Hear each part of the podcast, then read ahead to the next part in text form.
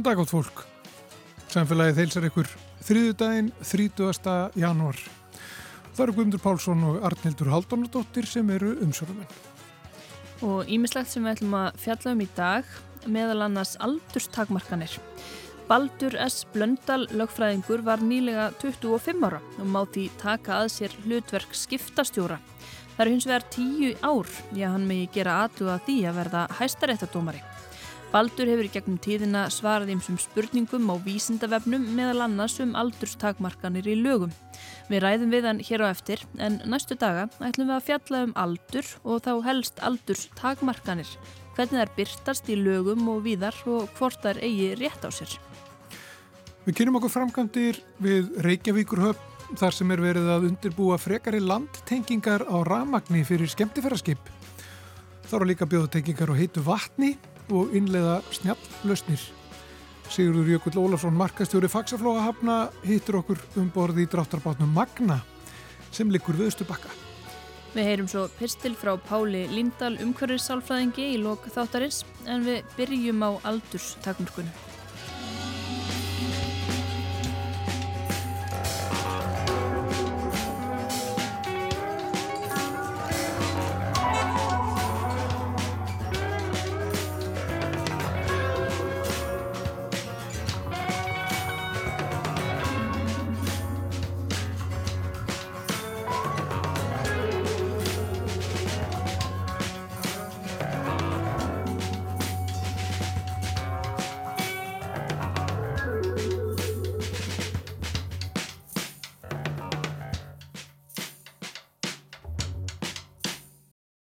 Hingað í samfélagi komið Baldur S. Blöndal, lögfræðingur.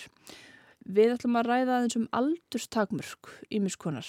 Já. Sko mismunum, það er eitthvað sem manni finnst vera mjög neikvægt í eðlisinu en nú er það þannig í lögum að, að það má mismuna fólki út frá aldri og út frá ymsu.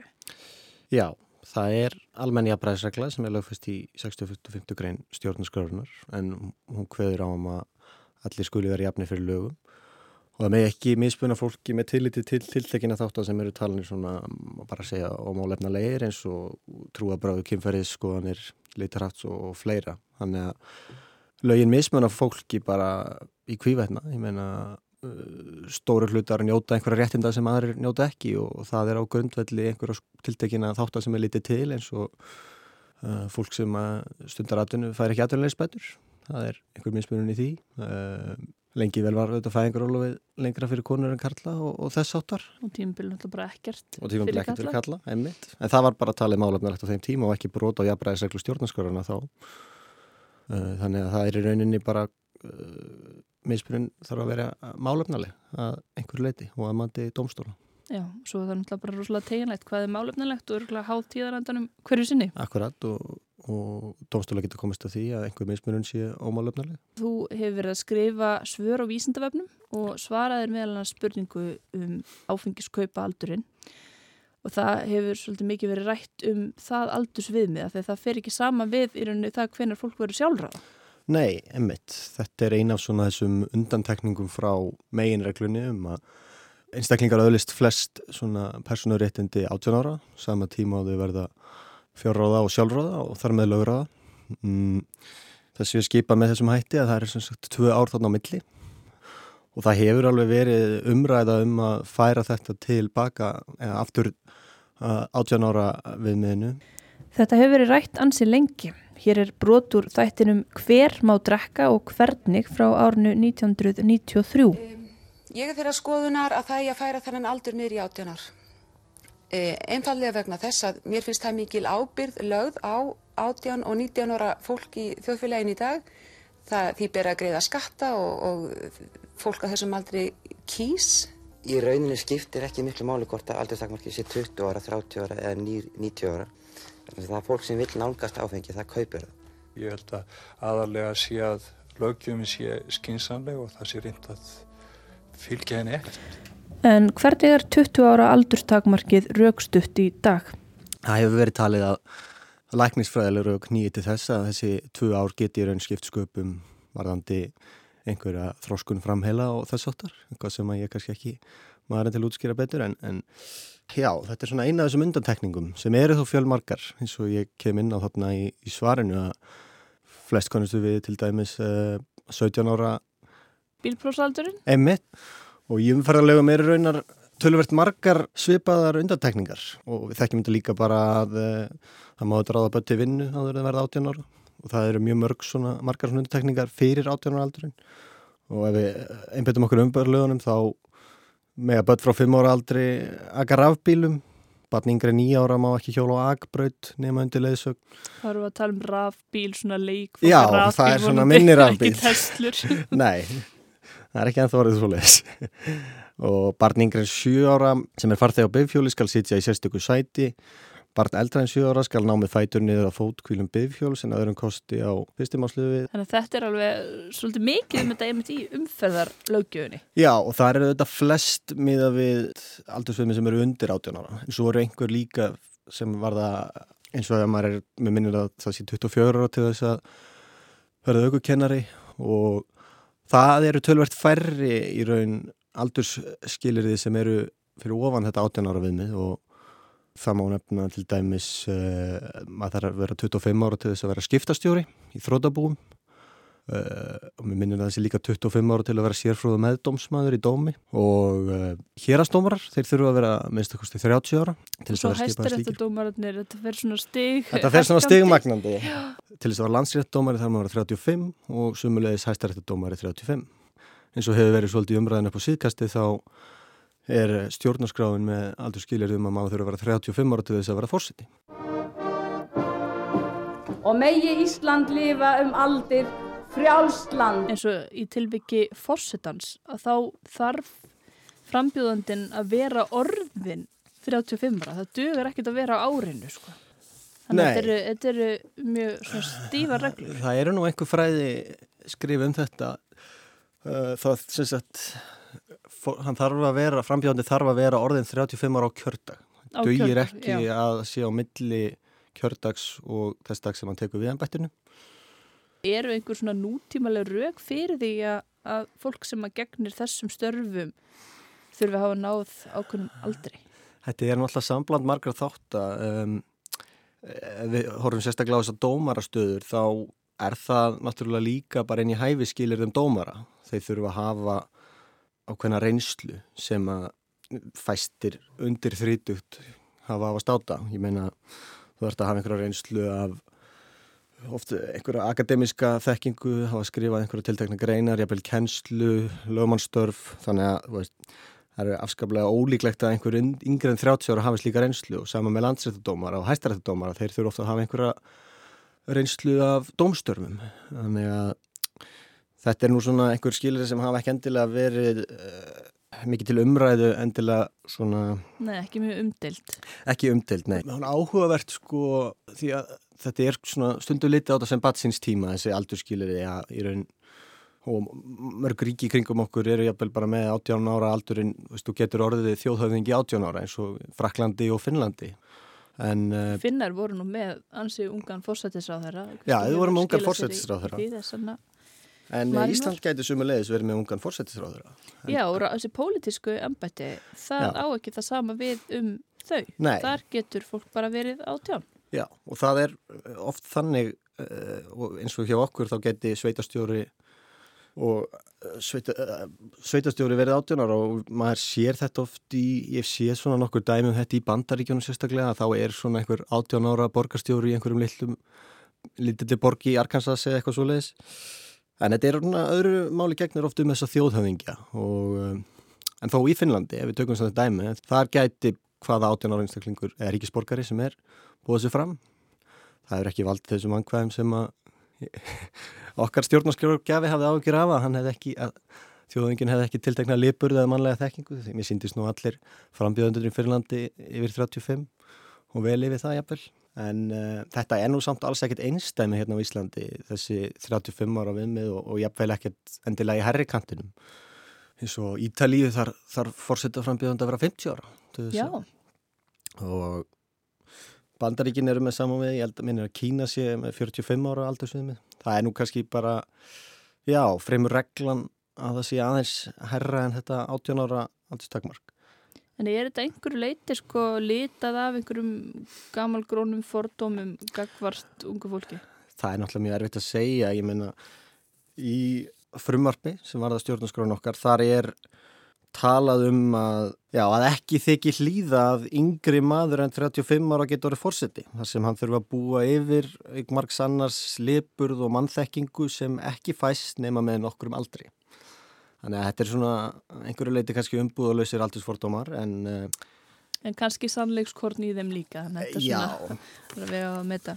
Þetta eru svona þau rauk sem við höfum fyrir okkar reglu en uh, eins og í bandaríkjanum þá gildir einmitt þessi sama reglum fórsetuða 35 ára aldurstakmark og þar hefur þeim sjónum með verið haldið á lofti í fyrsta lægi að svona þetta almennt séð hafi eldra fólk einhverja reynslu og þekkingu sem að kannski einhver 18-19 ára státar ekki af og þar í öðru lagi hafði stjórnarskráðgjafin eftir vill áhyggjur af einhvers konar fjölskylduveldum sem myndu festa svona ennbætti bara og taka þau kynslu eftir kynsluð og fólk myndi bara kjósa þetta af, af vana.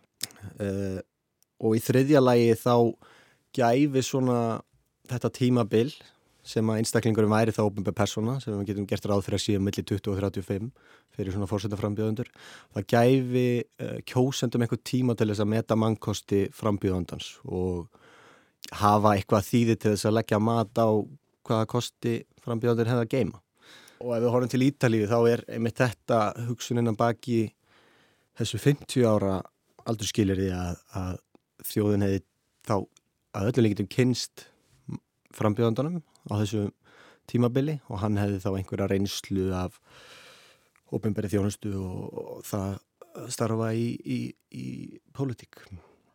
En sko aldurs hámark, eh, takmörk í, í þá áttina, þeim er ekkert mikið fyrir að fara eða hvað? Við sjáum nú tölverst aldraðan fórseta í, í bandaríkinu. Já og það og er, það, við erum ekkert óhullt fyrir slíku, það er ekkert aldurs hámark á, á fórsetum Íslands. Það er hins vegar um uh, ofinbæra starfsmenn. Það er almennt svo regla að þeir starfa til sjötugs og, og þó auðvitað með ymsum undutekningum en, en eins og ef við tökum sem hæstar þetta dómar sem dæma því vorum að ræða þá á hann að þeir þurfa að vera orðinni 35 ára þegar þeir eru skipaðir og þeir láta af störfum við sjötut. Það er Þannig, bara, það er bara skýr, skýr aldursrammi þar sem já, þú getur verið. Já, þú hefur rauninni svolítið knappan tíma til þess að vera hættirúttumar, bara 35 ára á þínu lífskeið. Um, og með leiðis með svona skipanir í, í ofnbjörnstörfa, þú ert ekki almennt ekki skipaður í ofnbjörnstörfa eftir 70. Og það er þá raukstuðningurinn fyrir því er að, er að fólk, fólki sé fara að förlast eitthvað eða sé orðið hálf sénílt um 70 eða það, það er kannski ákveðinu Jú, þetta er kannski einhver, maður getur vel verið, þetta lífið sé einhvers konar kurva og maður fer fyrst upp og svo fer maður aftur niður. En þetta er líka auðvitað bara sjóna svo er þetta líka auðvitað bara sjóna með um að fólk geti eitt af í kvöldun í eitthvað annað en að vinna. En uh, það er allavega þeim sem eru áttræðisaldri þeir geta hortið þess að fórseta staðan er þeim allir vegi færir að fara í það. Um, en þetta er einmitt áhugavert að, að það er ekkit, ekkit hámarka á þessu. En sko átjón ára þá fær maður flest réttindin en, en svo er sko það er margt sem að ég til dæmis vissi ekki að fólk þyrti að vera eldra til þess að mega að gera. Þetta er mjög aðteglisvert að það þarf svona, það er ími skilir, sumir er lögfest og svo eru önnur bara sem að eins og fyrirtæki geta sett eins og ég veit að hopp leir út svona bifriðar til skamstíma og þá þarf maður að vera orðin 25 ára til þess að geta leikt Tesla útgáfana af bílum þeirra. Já, en maður má vera yngri til þess að leiða einhvern annan bíl. Já, maður getur leikt Renault... Flottu bílinn er. Já, maður getur leikt Renault 20 ára og þetta er líka reyndar ofta á, á bílalegum sko, líka svona hefbundum þá eru, eru einhver skilirði.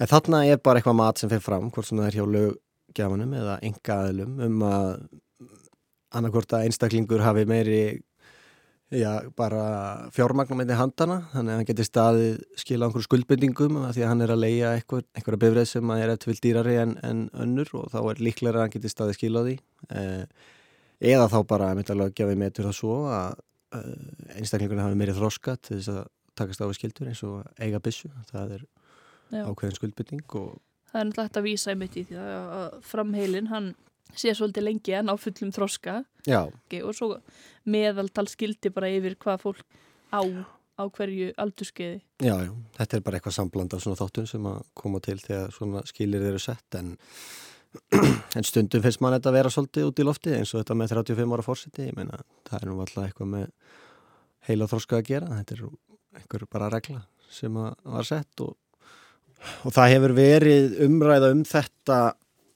líka á sveitastjórnastíi því það er sveitastjórnum er heimilt að veita einstaklingum eldri en 16 ára kostningarétt í íbúakostningum og það hefur jæfnvel verið umræða um að færa það í kostningalögunum þannig að 16 ára eh, börn megi kjósa í sveitastjórnarkostningum eh, þessar reglur fylgjast núna að hvað var þar fórsettakostningar alþingiskostningar og sveitastjórnarkostningar og ég veit að það voru tilrönaverkefni á Norðurlöndunum með þetta og þá er raukinu auðvitað þau að uh, eh, 16 ára og 17 ára börn þau borga skatta og þess vegna ætti þau að fá ykkur ráðið um það, hvað verður um þá sem eru auðvitað bara góð og gild sjónamið og sjónamiðin á móti þá að, foreldrar þeirra myndu beita á einhvers konar hópþyrstingi og smala þeim í sinn flokk. Já og, og ég mitt og ef að þetta á auka hérna, kostningaþáttöku þá náttúrulega er kostningaþáttöku ángs fólks lítil. Þetta gætu auðvitað aukið hana eða, eða svoleiðist, það er ekki gott að segja en, en ég veit að eins og bent var á í sambandsísleika sveitafélaga um, um tillögum breytingu á þessu að, að það var horfið frá þessu á Norðurlöndunum. Og þetta er svona uh, fólk hefur öðlast öll þessi réttindi 18 ára eins og við nefndum á þann og getur þá tekið á sig fjár á skuldbindingar og annað slíkt og kannski eðlilegt bara að þetta sé sá tífapunktur sem fólki er veitt. Þessi réttindi að fá að kjósa um, En með þessi pólitísku réttindi sko ég sáum þetta að uh, börn á öllum aldri þau geta stopnað stjórnmálaflokk. Þannig að það var einhver grein um það. Já, já, já, þau Þannig þau geta verið búin að því bara Geta stopnað svona félagsamtöku eitthvað líklega, já. Þau geta ekki tekið á, sko, stopnað félag sem getur tekið á sig fjárháskuldbytningar Nei, nei. Þetta er svona, þeim er frjálst, þetta er svona hlutaði félagafrælsinu og tjáningafrælsinu þeirra þau með og þeim eru auðvitað treyðið í mis réttindi og það er alls ekki þannig að börn séu alveg réttinda laus, þetta er ákveðin stíi ég meina, eins og við nefndum í umferðarlögunum og svo bara í mörgum fleiri veist, og missa bæði... náttúrulega réttindi líka á móti eða, eða vernd kannski veist, Já, að einhverju leiti og börn fá ákveðin svona ákveðinar ívillanir og svona sem að falla niður á móti sko.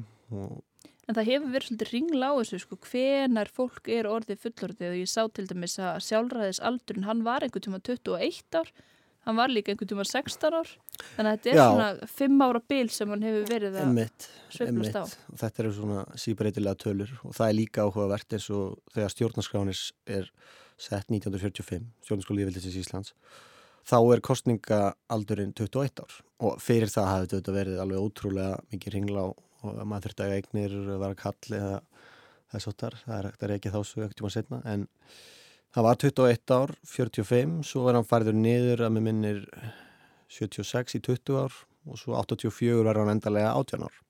Þannig að þróunin hefur almennt verið í þessa átt og líka í kringum okkur að, að eh, fólk öðlist öll sín réttindi 18 ára í þessu samingi í, pól, í pólitíska. En uh, þá er líka áhugavert um þetta að uh, hæstarétta dómarar, þeim áttu að vera skipaði 30 ára, alveg þangað til að með minnir að því að breytt hérna 1997 og þá var það færður upp Já, í 35 var það út af einhverjum einum ákunnum dómara sem átt að fara að hýsta fresta því að fá þennan inn fimm ára Ég þekki þá svo ekki nú vel en þetta er áhugavert að því að svona almennt hefur e, þetta verið þróast í þá átt að að einstaklingar öðlis flest og fá að gera flest átjónar þarna var þetta hækka svona Já, Já og einmitt, og hver er sko hvað, hver finnstu löggjafanum munurinn vera á 30 og 35 ára einstaklingi hvað var það reynslu þróska þetta er áhugavert sko. Þetta er mjög áhugavert og svona manni sínist oft vera jafnvel mis málöfnarlega sjóna með hann að baki en, en þetta er bara viljið löggjafs á hverjum tíma. Já Eitthvað svona sem þú vil nefna, eitthvað svona sem að þér finnst uh, sérstaklega áhugavert eða skondið við öll þessi aldursviðmið og takmarkanir? Öll þessi skilir því um 25 ára aldur í til dæmi skiptastjórn búa uh, og ég var nýlega 25 ára þannig að ég gæti fagnar þeim áfanga að vera lóksins bær til að skipta búum Þannig að það var gaman. gett það þá? Ekki en þá, ég býða þá, en það er alltaf gaman að eiga svona eitthvað eftir í þessum aldurstiga. Það var bílprófið og svo var maður 18 ára og svo gæti maður keft áfengi, þannig að það er alltaf eitthvað nýtt í þessu og svo býður maður bara þá til að það er 35 ára, þá getur maður orðið fórseti og skipaður í landsetti að hæstarétt. Þannig að, Þannig að þú sér þetta ekki sem hindrun sko að hafa valið þér það að starfa sem lögfræðingur og þetta hindri þig á þínum starfsferðli. Þetta er meira bara svona eins og þú komast á upp í nýtt borði í Já, tölvuleik það er lífsins. bara alltaf eitthvað nýtt, maður getur leitt sér að hlaka til hvers áratöks. Frábært. Takk fyrir að spjalla við okkur um aldurstakmörk Baldur S. Blöndal, lögfræðingur. Takk fyrir að fá mig.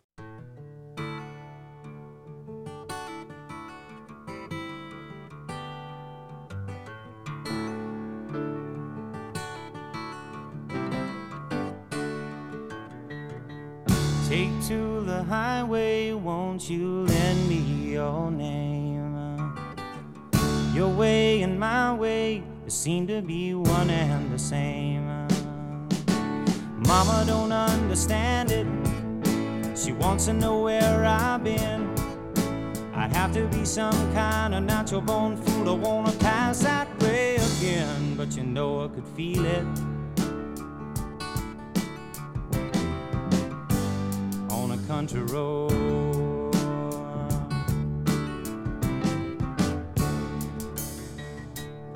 Sail on home to Jesus, won't you, good girls and boys? I'm all in pieces, you can have your own choice. But I can hear a heavenly band full of angels, and they're coming to set me free.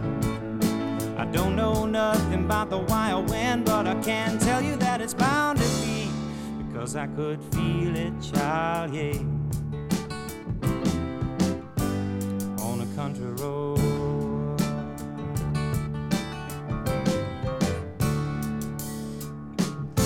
I guess my feet know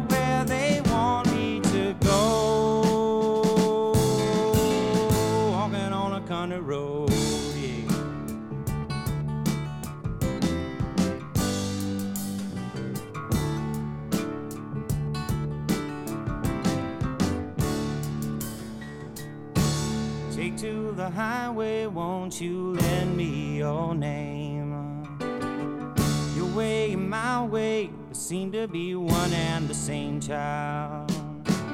Mama don't understand it. She wants to know where I've been.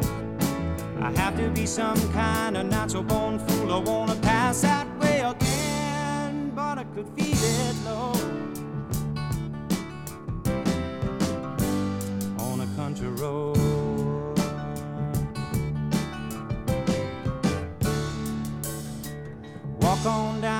Walk on down, walk on down, walk on down, walk on down a country road. La la la la la la la la la la la la la la la la la la la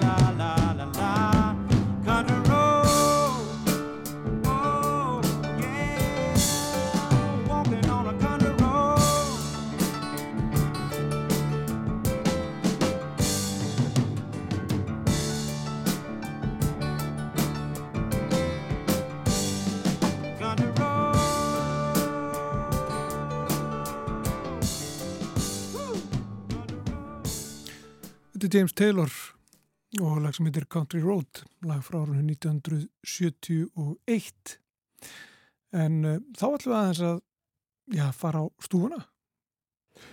Ég er komin þetta niður í Reykjavíkurhöfn og er hérna við Östurbakkan og hjá mér er Sigurður Jökull Ólafsson, hann er markastjóri Faxaflóhamna og eins og hlustendur taka eftir þá eru hér framkantir, hér er grafa í gangi og það er verið að- grafa hér og það eru mikla framkantir uh, fyrirhugaðar hér og það er tengjast meðal annars landtengingu uh, það er að segja að geta tengt til dæmi skemmtifæraskip uh, við ramagn sem mikið hefur verið uh, ég kallað eftir vegna þess að það er bara hreinlega mikilvægt loslagsmál að minga uh, útblástur frá þessum stóru skipum. Uh, Sigur, getur sagt okkur bara til að byrja með uh, svona upp og ofan af þessu stóra verkefni. Já, já, heldur betur. Uh, eins og nefnum, við erum hérna uh, um borði Magna, hérna við Östubakkan í Gamluhöfnum í Reykjavík og hérna horfum við á gröfu, við erum að grafa uh, í, í bakkanum þar sem við erum að draga ramagn frá dreifistöðunni sem er núna á Faxakarði yfir á miðbakka þannig að við getum tengt skemmtifyrarskip og, og önnur þau skip sem geta landtengst hérna í Gamluhöfnunni og uh, úr því að við erum að, að, að grafa þetta og opna fyrir leyslur hérna í uh, gömluhöfninni að uh, þá ákvaðum við að nýta það takkifæri þannig að samhliða landingingunni á miðbakka að þá verður dreyið heitt vatn þannig að skipin geta tengst heitu vatni til kyndingar alveg eins og er gert hérna um borði í Magna og Þór var skipið þegar það liggur að bryggju og samhliða þá verða settir upp uh, þrýr snjallvættir afgreðslu uh, stöðvar hérna á miðbakkanum þar sem skip geta komið fyrir núru hvena sem er og tengst ramagni, heit og köldu vatni og greitt með, með rafrannum hætti. Það er að danskri fyrirmynd og þar sem þeir hafa þróað þetta sérstaklega höfnum á Jólandi fyrir minni skip, trillur og, millistór skip nokkuð sem er mjög spennandi. Eh, við höfum svona huglitt þetta í einhver tíma en úr því að við erum í þessu frangöndum þá töldum við tilvælega að nýta tækifærið. En stóra máli er að sjálfsögðu landengingin eh, og það er sérlega glæsilegt vegna þess að eh, núna í miðja mæ að þá á að, að pröfu að gera hanna í fyrsta skipti með skemmtiverðar skipunu Frithjón Nansen frá Húrsturúten og Uh, og það gengur vonandi vel og ég hef ekki trú á öðru. En, uh, en þetta þýðir sem sagt að uh, öll skemmtifæra skip sem koma hérna í gömluhöfnuna geta þá landingst hvort heldur sem er á Faxagarði eða miðbakka vandamáli við, við Faxagarðin er að, að það eru starðatakmarkanir það hefur svona mestulegi verið kannski 130 metra skip en miðbakkin tekur við lengri skip þannig að, að, að með þessu að þá þá eru öllu skip, skemmtöru skip sem, eh, sem geta komið hérna í gamlehöfnuna, þá getur við landingt þau. Og hvað eru þetta mörg skip þá eh, sem koma hérna, ef að segja einu sumri? Eh, ég, ég, ma, ég man ekki alveg nákvæmlega töluna fyrir hérna gamlehöfnuna en það er alveg í skipakomum þá eru þetta einhver uh, 8-10 skipakomur hef ég manni mikið til sumu skipin sem eru að koma aftur og aftur, mm -hmm. þeir eru mhm. náttúrulega að sigla á norðarslöðum En þetta eru svona 80-90 ef ég mann rétt. Já, og þetta eru stór skip? Já, já, þetta er ekki stærstu skipin, þetta eru stór skip uh, og, uh, og við teljum að það skiptir miklu máli að, að, eh, að við séum með þessi landingingar hérna í gömluhöfnunni af því að hérna eru við náttúrulega í nálag við fólk sem starfar hérna og býr, við erum að horfa hérna hótel sem er nú bara 50 metra frá okkur, íbúabygg 50 metra líka. Og það sem landingingar gera er að, að, að það er minga sjálfsögðu lósun en uh, stóra máli er að sjálfsögðu loftgæði. Að, að þegar við slökkum á vélunum og, og þar keira á, á rafmagni og sérstaklega grænur rafmagni eins og er hérna á Íslandi uh, að þá er, uh, eru ekki skadli áhrif að koma út í andurslöftið af því. Já, en sko nú er verið að framleika hérna frá, er það ekki Faxagarði? Já. Þar er stöð, Já. svona tengi, tengi stöð, einhvers mhm. konar, eða dreifistöð. Dreifistöð og, og, og tíðnibreytir. Já, og nú þegar er landtenging þar, eða hvað? Já, já. Þar er, er landtenging og hún var lagsins tilbúin í, í fyrra sumar, sem sumari 23. Uh, svona í lok sumars var hún tilbúin og uh, eftir tilurinnur uh, og test og svo framvegis Þá tengdu við fyrsta skipið þarna í setjum hluta september við, við mikilvæg viðhöfn og, og gekk bara mjög vel.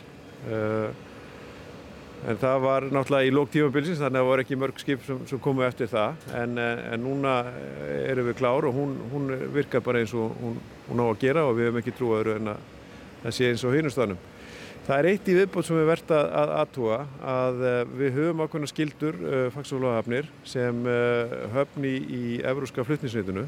Þannig að uh, frá og með árinu 2030 þá verðum við að landtengja öll fiski, flutningsskip og farþegarskip yfir 5.000 brúttotonn þannig að þetta er náttúrulega liður í þeirri vegferð.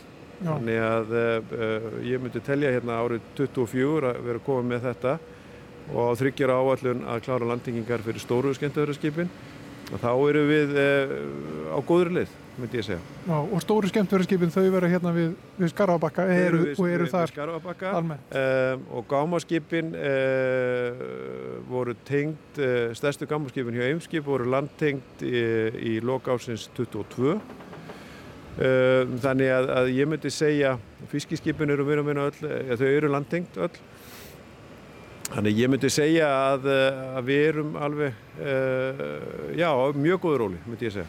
Já hver, hvað kostar svona framkvæmt? Það hefur verið talað um það að hefur svona staðið þessu fyrir þrjum þetta er dýrt. Já, já, hérna, ég er nú ekki alveg með í hausnum nákvæmlega hvað þessi framkvæmt með öllu kostar uh, en uh, jú, þetta er dýrt og, og, og þetta greiðist ekki alveg upp um leið en nótendur náttúrulega greiða fyrir þetta, það tekur náttúrulega tíma en, en við tökum með að því í, í okkar gjaldskrá og, og svo framvis tengt þessu má segja er umhverfisengunarkerfið okkar. Um, þar sem við veitum ívillinir fyrir betri umhverfisframistöðu og sjálfsögðu landingin er slíkt. Og á mótið þá er þá eh, auknar álugur fyrir þá sem, sem eh, eru umhverfis íþingjandi þannig má segja það að, að, hérna, að þau taka þátt í, í að greiða þá fyrir hína en það stutta er að jújú, jú, þetta er heilmikil kostnaður um, mann allavega með eh, fyrir stóru landtengingarna, það er eh, svona heldapakki upp á 3 miljardar eitthvað slúðis en, en, en, en það greiðist upp, það tekur tíma notendunum greiða fyrir þetta, alveg sem er afbíla og slúðis, það gerist ekki strax en, en það gerist. Mm -hmm. uh, og, og sama með þess að hérna. Tölum aðeins um heitavatnið þið, þið er að, og það er þegar gert sumstaðar hérna við Reykjavíkur að, þar, að skip geta teng, tengst við, við heitt vatn. Alveg klálega sko, við erum nú bara stöndum hérna á dekkinu á uh, stóra dráttabátnum uh, Magna sem er tengdu við heitvatn, þannig að, að heita vatnið úr landi er notað til hitunar um borð. Þór er nú ekki í landi núna en uh, þegar Þór er í landi þá er hann tengdur við, við heitvatn til þess að, að hérna, hita skipið. Sæbjörgin sem er hérna hinnum enn í höfninni, hérna skólaskip Landsbergar, það er tengt með, með heitu vatni líka. Þannig að það er, þessi þekking er til staðar hérna og okkur finnst mjög spennandi að þróa það áfram fyrir þá farþegarskipin og það geti verið svona eitthvað uh, sem væri að taka lengra og sérstaklega geti það nýst fyrir aðra hafnir á Íslandi. Ef við náum að þróa þessa, þessa þekkingu að sjálfsögðu vitum við það það þarf að breyta tæknilega atriði hérna útværsla í skipunum sjálfum en ef við getum komið þessu stað hérna að þá er þetta verulega spennandi verkefni. En einmitt af því þá hvernig skipin eru búin undir það að, að geta hreinlega eins og tengst uh, við ramagn, hvernig eru þau skip sem koma hérna búin til þess, eru, eru þau öll klár? Það, er, sko, það hallar á hafninar í raun og veru. Á, á heimsvísu þá hallar þetta á hafninar. Það eru Það hefur verið tekið saman fyrir okkur og það hefur verið gert í, í hérna, viðra sammingi fyrir aðra elendarhafnir að þetta eru um 70-75% uh, af skipum sem eru í flótunum, skemmtæðara skip þar að segja, í flótunum í dag, sem eru tilbúin að taka við rafmagni. En á heimsvísu er ekki nema 2% af höfnunum sem eru tilbúin að veita rafmagni. -huh. Það er að vísu að gerast eh, núna með, með eh, lifturhraða vegna þess að Evrópa í hildsinni og alla þær hafnir sem eru uh, í flutninsnitinu hafa bara til 2030 en, en sama er að gerast í bandaríkjunum og öðrum stöðum þannig að, að, að, að það er að gerast alveg helling og boltin er, má segja, hjá okkur höfnunum. Mm. Varandi heitavatnið að þá er, uh, er það svona á frumstíi, myndi ég segja, en, en, en mér er sagt af kunnáttumönnum að, uh, að þetta ætti ekki að vera mjög flókið. Ætti ekki vera það? Ætti ekki vera það, en ég er ekki verkfræðingur og, og, hérna, og svona í, í teóriunni ætti það ekki vera flokki. Uh, og við hugsaum bara, ef varskip, dráttabátur og eldra skip uh, geta gert það, þá afhverju ekki aðrir. Við höfum tekið eftir undarfæri sko umræðinu um, um skemmtifæraskipin að, að stór hluti af því er einmitt þessi mengun og, og loftgæðin og þetta er mengandi starfsemi hérna í, í miðbænum. Mm -hmm. gerur það fyrir að þau viðhormunni breytast uh, með tilkomu svona já, meiri landtenginga. Alveg klálega sko, við eh, vorum mjög stolt af því að við tókum upp eh, sko umhverfisengunarkerfi sem er, er, er eh, beint gegn eh, eða eh, gagvart skemmtefæraskipum og við vorum fyrsta höfn utan Norex sem tóku það upp núna 2023 og innleituði ekki alls grunna og landtingingarnar þær eru í hafnafyrði líka. Ég tel það og að þeirri einföldu ástæði að, að við erum að stíga þessi stóru skref að því við viljum gera það, eigum að gera það og getum gert það. Og skipagerin í heilsinni er að stíga mjög stór skref vegna sem þau geta það. Er kannski erfiðara það er hellingar að gerast í flugi en það er í hluturins eðli erfiðara. En en ég held það sko þegar þegar almenningur átt að segja á því hvað er að gerast uh, varandi sko heildarlósun og, uh, og loftgæði og svo framvegis að þá, að þá breytist viðhorfið. Um, en, en það tekur náttúrulega tíma. Við skiljum það mjög vel. Mm -hmm. En við tölum aðeins um líka minni, minniskip mm. og báta hér, hér uh, í Reykjavík höfn. Þú myndist á að þýra að fara að setja upp hérna svona já, tengipúnta fyrir, fyrir minniskip sem að verða svona snjallvætt ef maður getur notað það orð. Já, já, alveg klálega þannig að notendur þeirra þjónustumunu geta bara lagt sínu bátum eða skipum hér við, við bakkan stungið í samband og greitt fyrir það eftir einhvers konar kerfi, áskiptakerfi eða borga með korti eða hvernig sem, sem það verður. Verður það útbreytt hér eh, við höfnina? Eru, eru mörg margir bátar og skip sem munu geta nýtt sér þessa þjónustu? Sko, til þess að byrja með þá, þá verða þrýr eh, afgreðslu standar, eða maður kalla það sem svo, eh, hérna á Östubakkanum sem eh, myndir nýtast fyrir þessi milli og, og minniskip. Við horfum til þess að það er seglskúta hérna fyrir aftan og, og eh, stundum eru fiskiskip eh, og svo framvegis.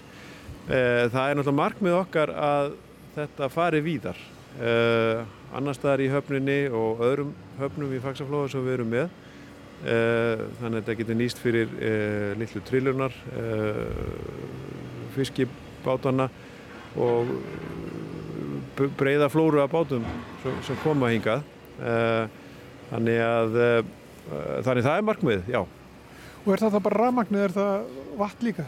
Það er rafmagn og vatn og hér á Íslandi þá er það heitt og kallt vatn Þannig að, að svona í grunninn þá er þetta bara svipað eins og við sem eigum rafbíla. Uh, þá mætir maður, maður tengir og, og greiðir uh, nema þú getur fengið vatn líka, heitt og kallt. Og þetta eru þá, oft eru þetta bara bátar sem að stoppast upp við? Já, það er uh, stutt eða lengra sko og hvena sem er. Það geta komið um miðjanótt og, og tengt sér sjálfur og, og greitt fyrir það og svo farið það á mótnið sko. Því byrja að skipta sko. Uh, það er náttúrulega þægindi í þessu er að það er, það er þá ekki kalla út mann hérna um, um í það nótt og svo framvegs en svo er hittmáli líka að það er upplýsingamidlunin af því að ef við hugsaum um til dæmis uh, uh, minni trillu að, að þá er það þannig að markaðurinn krefst þess að, að uh, heldar spór fyrstins sé dokumentina Þannig að hérna, þeir vilja vita hérna, hvað notaður mikið rafmagn, hvað tórstum mikið vatn, miklu ólíu og svo framvis og framvis. Með svona þá eh, farið þau bara aðfend, bara já, þú tók svo mikið rafmagn, svo mikið heitt og, og kallt vatn og svo framvis, bara í einu ímjöli, þannig séð. Já.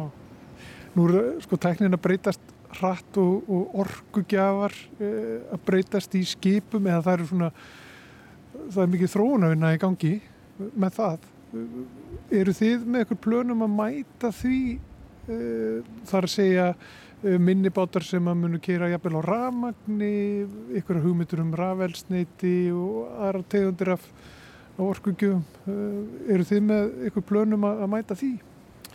Sko ekki svona þannig sé per se en, en það, ég vil nú nefna að uh, í fyrra sumar að þá var skemmtöðuraskip sem tók uh, fljótandi gas, LNG uh, og það var gert hérna inn í, í, inn í Sundahöfn þannig að það er í gangi.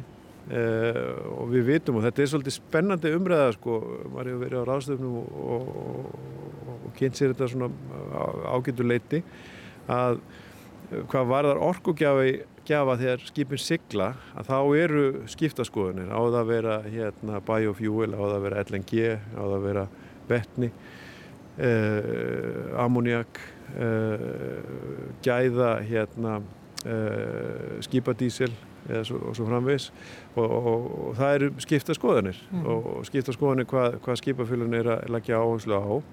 Eh, þannig að það er ekkit svona ég held að svona yfir höfuð korki á Íslandinni annar staðar er, er svona búin að samræmast almeinlega hvað, hvað eigi, eigi að nota en, en allavega við uh, það var afhengt LNG hérna í, í, í fyrra sumar og hvað var inn í höfnunni sjálfu þá einbyttum við okkur að rafmagninu en það teljum við það að að hérna öll elsnitin, rafelsniti og, og, og gas og, og hvað sem það nú er að uh, þetta eru tiltalega uh, dýrir elsendiskjafar þannig að hérna, uh, þau spara það og nýta það vel á siglingu.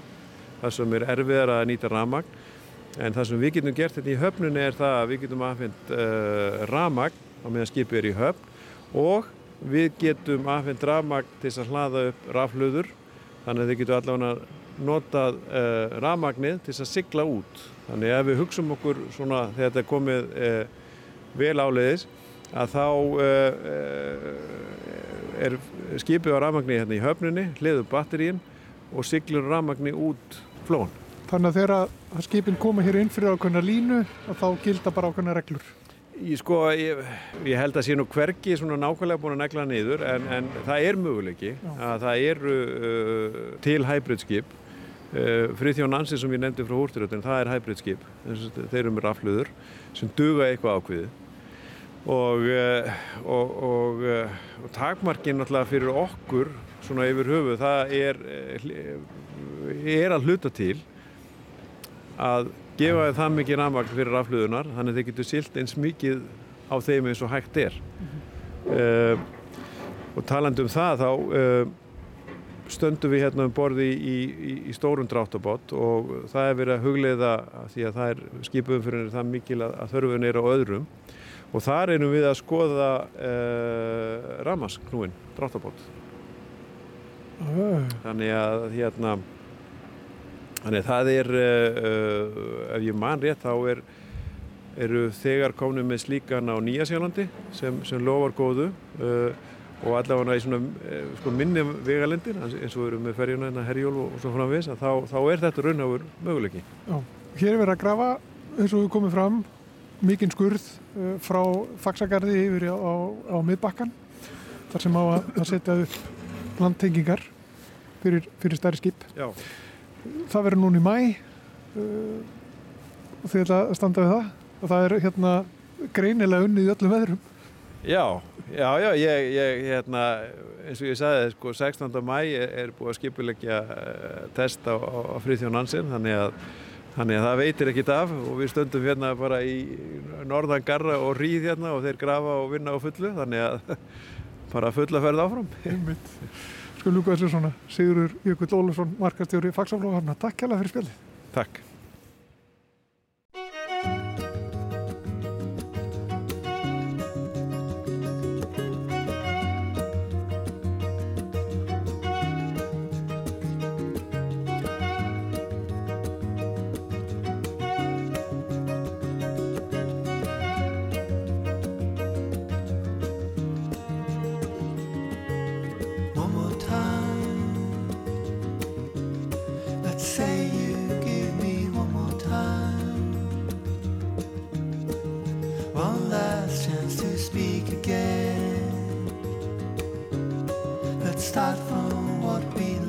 sunset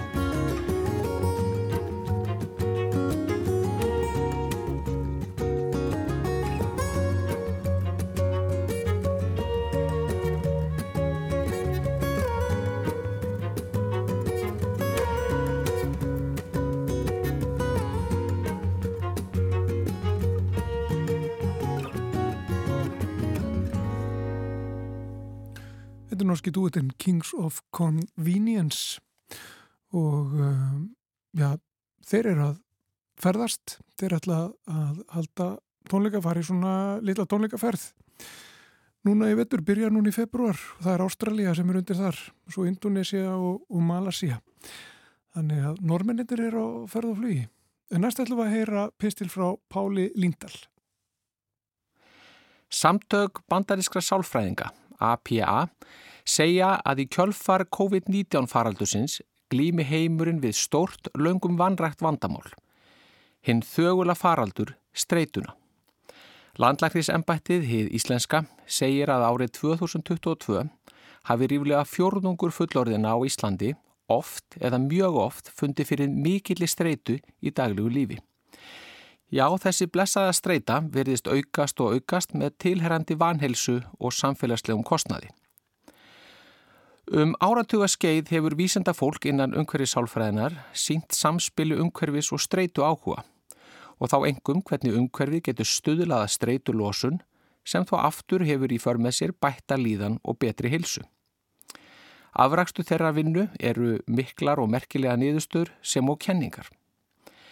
Tvær kenningar standa upp úr í því samengi sem hér um ræðir.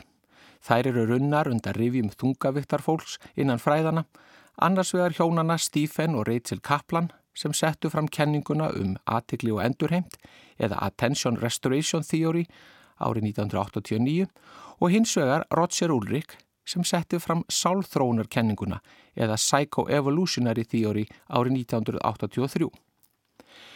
En þetta fólk á fleira sæmeinlegt en að setja fram kenningar varandi samspil umhverfis og streitu. Því öll stunduðu þau nám sitt í háskólanum í Michigan fylki í Bandaríkjónum. Kaplan hjónin voru þó heldur á undan og lukuð þau doktorsgráðum sínum í sálfræði við skólan árið 1962 en Ulrik lög sinni doktorsgráði í landafræði árið 1973. Þá er grunnhugmynd þeirra að baki kenningarsmíðinni af sambærilugum toga þar sem hortir til þróunafræðilegra tengslokkar við náttúruna og þess að náttúran sé okkur hliðhóll. Þróun mannsins í náttúrunni og áhersla á tiltekna eiginleika í uppbyggingu og samsetningu náttúrlegs umhverfis, svo sem fjölbreytileika og dýft umhverfis, til að stuðlaða streyturlosun og endurheimt, eru því útgangs- og áherslupunktar í báðum kenningunum. En lengra ná sammeinlegu snertifletinir ekki og greinir vísindafólkið áum hvernig úrvinnslu þeirra upplýsinga sem við grípum úr umhverfinu er háttað sem og þær tilfinningar sem umhverfi vekur upp hjá okkur. Ágreiningur er einnig um hvenar tilfinninga viðbröð vakna og hversu mikil og viðtæk áhrif náttúrunar eru á okkur. Í verkum kaplanhjónana gengur svo hugmynd sem rauðu þráður að umhverfi sem búa yfir tilteknum eiginleikum þjóni betur en önnur hæfileikum fólks til að vinna úr upplýsingum.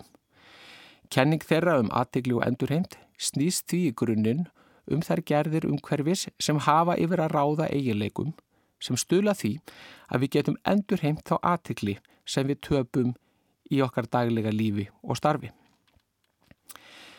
Sálþróunakenning Úlriks er af öðrum toga og byggir á því að samskiptu okkar við náttúruna hafi för með sér tafarlausan ávinning og þarnist ekki hugræðnar úrvinnslu og að ávinningur samskiptana sé viðtakar en svo að honu verði einungist líst sem endurheimt á aðtikli. Megin munur þessar að tveggja kenninga fælst við í að Úlrik leggur áherslu á endurheimtandi áhrif náttúrunar komi fyrst fram með tilfinningarlegum hætti meðan kaplan hjónin líta svo á að hagspótina megi rekja til hugrætna ferla. Sem fyrir segir er í báðum kenningum gengið út frá því að náttúran sé okkur hliðhóll og leggja kaplan hjónin áherslu á hefni náttúrlegs umhverfis til að endurheimta það sem þau kalla beinda aðtikli eða directed attention sem er svo aðtikli sem við nýtum þegar við þurfum að veita viðfásefnum daglegs lífs aðtikli og eftirtækt. Kaplanhjónin byggja þessa nálgun á grunni eigin rannsókna og kenninga á dálæti fólks á umhverfinu en þar segja þau að uppbygging umhverfis og geta þess til að örfa og letja hugrætna úrvinnslu sé líki latriði. Mikilvægt sé að umhverfi veiti hæfilega mikið magn áhugaverða upplýsing á hverjum tíma og í þeim tilvikum sem slíkt sé raunin þjóni umhverfið okkur hvað best. Höfundar kenningarna tveggja hafa lengi eldað grátt silfur saman og hefur gaggrinni Úlrik á kenningu kaplanhjónana falist helst í því að viðbráð okkar við umhverfinu séu hraðari en hugranni ferlar ráði við. Því geti hugran úrvinnslega einfalli ekki verið miðpunkturinn í streytulósun og endurheimtandi áhrifum umhverfis. Þessum fulleringum Ulrik svaraði Stephen Kaplan í grein sem byrtist í tímaritinu Journal of Environmental Psychology árið 1995 og ber titilinn The Restorative Benefits of Nature Toward an Integrative Framework og það má sem endurheimtandi hagspót náttúrunar í átt að samþættum ramma. Í greininni segir Kaplan gaggrinu Ulriks á miskilningi byggða því svo fullering að hugræni ferlar takmarkist einungis við meðvitaða hugsun standist ekki skoðun og sé takmarkandi. Kaplan segir að þvertamóti geti hugræni ferlað verið hraðir og ómeðveitaðir rétt eins og þau tilfinningarlegu viðbröð sem Úlrik gerir að aðlatriði í sálþrónakenningu sinni. Með þessu gerir Kaplan sem sé tilrun til að samþetta kenningarna tvær. En hvað segja þó þessar kenningar? Jú, í kenningunni um aðtikli og endurheimt er gert ráð fyrir fjórum hugtökum sem kölluð eru endurheimtandi eiginleikar og eiga þau að skýra að hvaða leiti umhverfi getur stuðlaða streytulósun og endurheimt beindrar aðtikli. Þessi fjögur hugtök eru fjárvera, umfang, samtíðanleiki og hrifning. Fjárvera felur í sér hugmyndafræðilega breytingu þar sem fólk fjarlægist þau viðfangsefni, áreiti og ferla sem krefjast beindrar aðtikli, stígur með öðrum orðum út úr tilteknum aðstæðum hugmyndafræðilega og í sumun tilfellum líkamlega einnig. Að upplifa fjárveru getur verið svo lítið sem að líta af tölvuskjánum og horfa út um gluggan, þó ekki sé nema eitt andartak. En getur líka vísa til þess að loka búlunni og fara í frí til kanari. Umfang vísa til umhverfis sem býður upp á fjölbreytni og samræmi, þannig að tilverður nýr veruleiki og annar heimur byrtist okkur. Samþýðarleikin fjallar um með hvaða hætti umhverfið mætir markviðum okkar og þörfum sem og getu umhverfisins til að koma til móts við okkur. Fjórða hugtækið hrifning félur á himbóin í sér þá hugmynd að áreiti, ferlar og eða atburður í umhverfinu séu það heitlandi og áhugaverðir að ferli endurheimtar fari af stað og viðhaldi sér til lengri tíma eða skemmri. Sangvænt kenningunni má kalla umhverfi sem býr yfir þessum eiginleikum í næjanlegu magni endurheimtandi umhverfi. Sálþrónakenning Úlrik gengur hins vegar út á að náttúran búi yfir streytulosandi eiginleikum sem hafa áhrif á okkur jamt tilfinningarlega sem líkamlega. Þessu lýsa Gregori Brattmann og félagar í grein sem byrtist árið 2015 með þeim orðum að náttúran örfi parasympatíska taugakerfi líkamanns með þeim hætti að það dregur úr streitu og örfun og þetta ferli sé tilkomið vegna meðfætrar tengingar okkar við náttúruna. Úlrik leggur út frá þeirri hugmynd að náttúran stuðlega streitulósun og það ferli hefjist með tilfenningilegum viðbróðum og bætir við að engar sannanir likja á borðinu varandi það að vitsmannalegi ferlar séu undarfarar tilfinninga. Hann segir að tilteknir eiginleikar svo sem fjölbreytileiki, dýft og minnstur þurfa að vera í talsverðu eða miklu magni í umhverfinu, undirlag þess þurfa að heimila aðtapnir og hreyfingar, engin áberandi ógn megi vera nærri og vatn verða verið innan seilingar. Kenningin gerir því ráð fyrir að ávinningur af náttúru upplifun takmarkist ekki bara við endur heimt beintrar aðtegli, heldur þurfi aðstæður í heilsinni að stöðlaða streytulósun og endur heimt. Þannig segir kenningin ávinning þess að dvelja út í náttúrni vera mun viðfæðmari en kenning kaplanhjónana um aðtegli og endur heimt gerir ráð fyrir. Sem fyrir segir gegna þessar tvær kenningar algjöru líki hlutverki í umhverfis sálfræðilegum rannsóknum á samspili umhverfis og streitu. Umræðan um kenningarnar og frekari þróun þeirra eða þróun annara kenninga á þessu sviði mun halda áfram um ókomin ár. Og nú þegar hafa yngri vísindamenn tekið við keflinu en það þremenningarnir sem hér hefur verið fjallaðum ímiskomnir á virðulegan aldur eða undir græna torfu. Takk í dag. Þarna laug Písli Páls Líndals. Með orðunum takk í dag. Með orðunum takk í dag og við erum einmitt að fara að nota þau sömu orðar það ekki. Þakka Jú. fyrir okkur í dag. Já, gerum orð Páls Líndal að okkar og segjum takk í dag. Samfélagi þakka fyrir sig. Við verðum hér aftur á morgun og sjálfsög á sama tíma klukkan eitt. Verðið sæl.